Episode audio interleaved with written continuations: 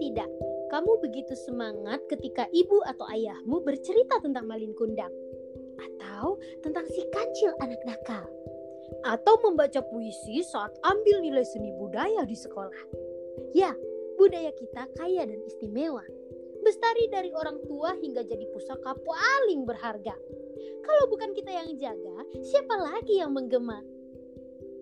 Turun-temurun hingga ke anak cucu, walau katanya mulai luntur diserang waktu.